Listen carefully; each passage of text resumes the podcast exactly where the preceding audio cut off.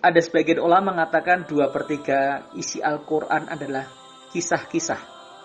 Kisah-kisah ini adalah kisah-kisah yang membantu manusia untuk menemukan kesadarannya, meniti hidup dengan cara yang benar sesuai dengan perintah atau titah Allah, dan kemudian kembali kepada Allah kehidupannya secara diridhoi dan mendapatkan balasan sebaik-baiknya ketika pada kehidupan yang abadi kekal selamanya di alam akhirat.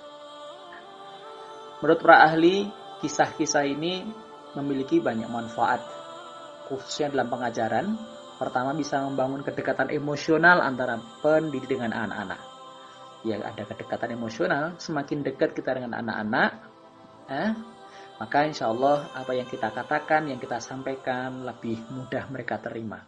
Yang kedua menjadi media penyayang pesan, nilai moral agama yang efektif tanpa mereka merasa diceramai. Yang ketiga, pendidikan imajinasi atau fantasi.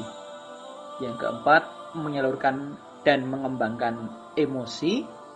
Lima, membantu proses peniruan uh, membantu proses peniruan perbuatan baik tokoh tokoh dalam cerita.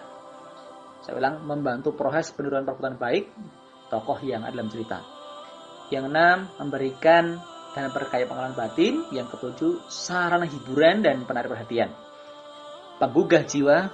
Dan kesembilan, sarana membangun watak mulia. Semua manfaat cerita ini sangat luar biasa.